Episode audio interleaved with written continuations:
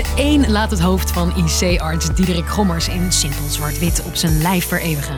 Hij is gezet, hij staat. En de ander gaat helemaal los met kleuren om een levensechte pauw op de arm te creëren.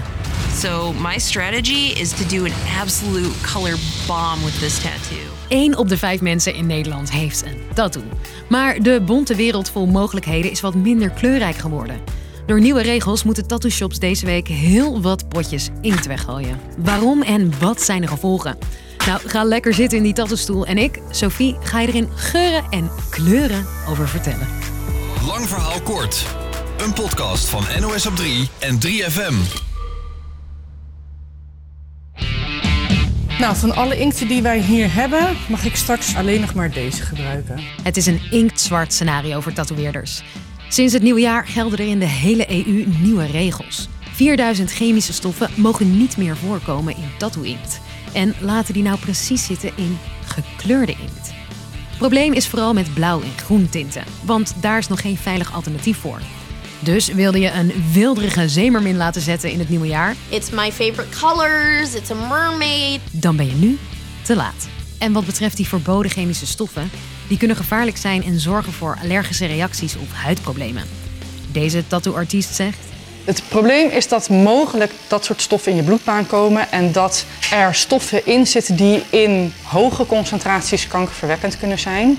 En dat gebeurt niet per se als je een tattoo hebt, maar wel als je een tattoo verwijdert of als hij niet goed gezet is. De inkt gaat dan bewegen en kan via de bloedbaan naar organen in je lichaam gaan. En dan kunnen ze kankerverwekkend zijn.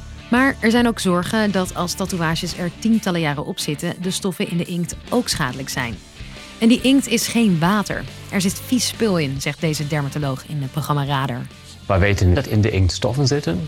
Die hebben een slechte naam. We weten, die zijn aan zich gevaarlijk. Maar het hangt altijd daarvan af hoeveel van deze stoffen komen in het lichaam. De EU wil tatoeages veiliger maken en ervoor zorgen dat die nare gevolgen die de tattoo-inkt kan hebben de komende jaren afnemen. Sommige permanente make-up is vanaf dit jaar ook verboden.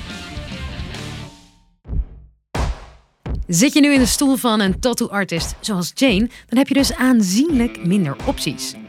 Hi Jane, Hey Sophie, wat betekenen deze regels voor jou? dat ik mijn huidige inkt en voorraad kan weggooien. En dat veel projecten nu op hold moeten staan omdat er nog nieuwe inkt gecreëerd moeten worden. Dat is onhandig, maar tatoeëerders zijn boos omdat ze de nieuwe regels pas in september hoorden. Ze kunnen tattoos niet meer afmaken. Want dat gaat soms in meerdere sessies verspreid over maanden. En andere kunnen ze helemaal niet meer zetten. Ze maken zich zorgen over hun broodwinning omdat er nog geen beschikbare alternatieven zijn.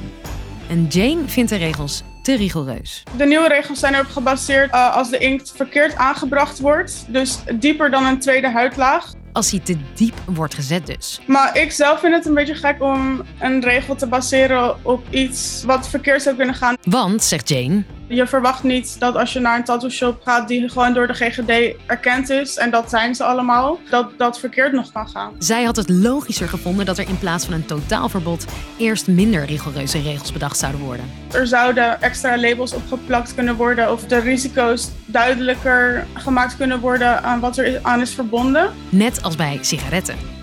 Dermatologen zien de risico's van de gevaarlijke stoffen in de inkt, maar sommigen hebben vraagtekens bij hoeveel schade het daadwerkelijk aanricht in het lichaam. Zoals deze dermatoloog van de tattoo-poli in het Alrijnen ziekenhuis. De reden waarom deze pigmenten worden verboden eh, is eigenlijk slecht onderbouwd. Voornamelijk omdat eh, deze pigmenten eerder ook als niet schadelijk eh, zijn geduid.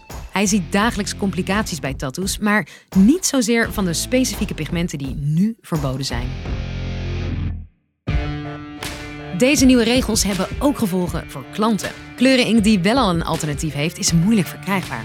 En Eerst was inkt 12 euro per potje en dat nieuwe inkt is 40 euro per potje. duurder dus. En als je een tattoo hebt die nog moet worden afgemaakt, dan is de kans groot dat je een kleurverschil gaat zien als er eenmaal nieuwe inkt is, zegt Jane. Het is hoogstwaarschijnlijk dat projecten er anders uit komen te zien als dat het originele plan was. Omdat dus een nieuwe inkt voor kleurverschil zorgt. Wat ook lastiger wordt. Normaal gesproken kun je na een borstamputatie een tepel laten tatoeëren. Voor veel patiënten is dat belangrijk. En ook dat is nu moeilijk, want daar heb je namelijk primaire kleuren voor nodig. En uh, heb jij een tattoo? Dan hoef je geen zorgen te maken, zegt het Europese Chemische Agentschap en het KWF. Wel is er een risico als je ze laat weglezen. Dus uh, goed nadenken of je die zeemermin echt zeker weten wil. It's a mermaid. Dus, lang verhaal kort.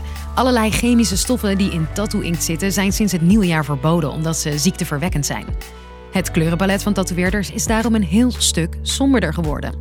Een alternatief voor blauwe en groene inkt is er nog niet en de berichtgeving kwam laat.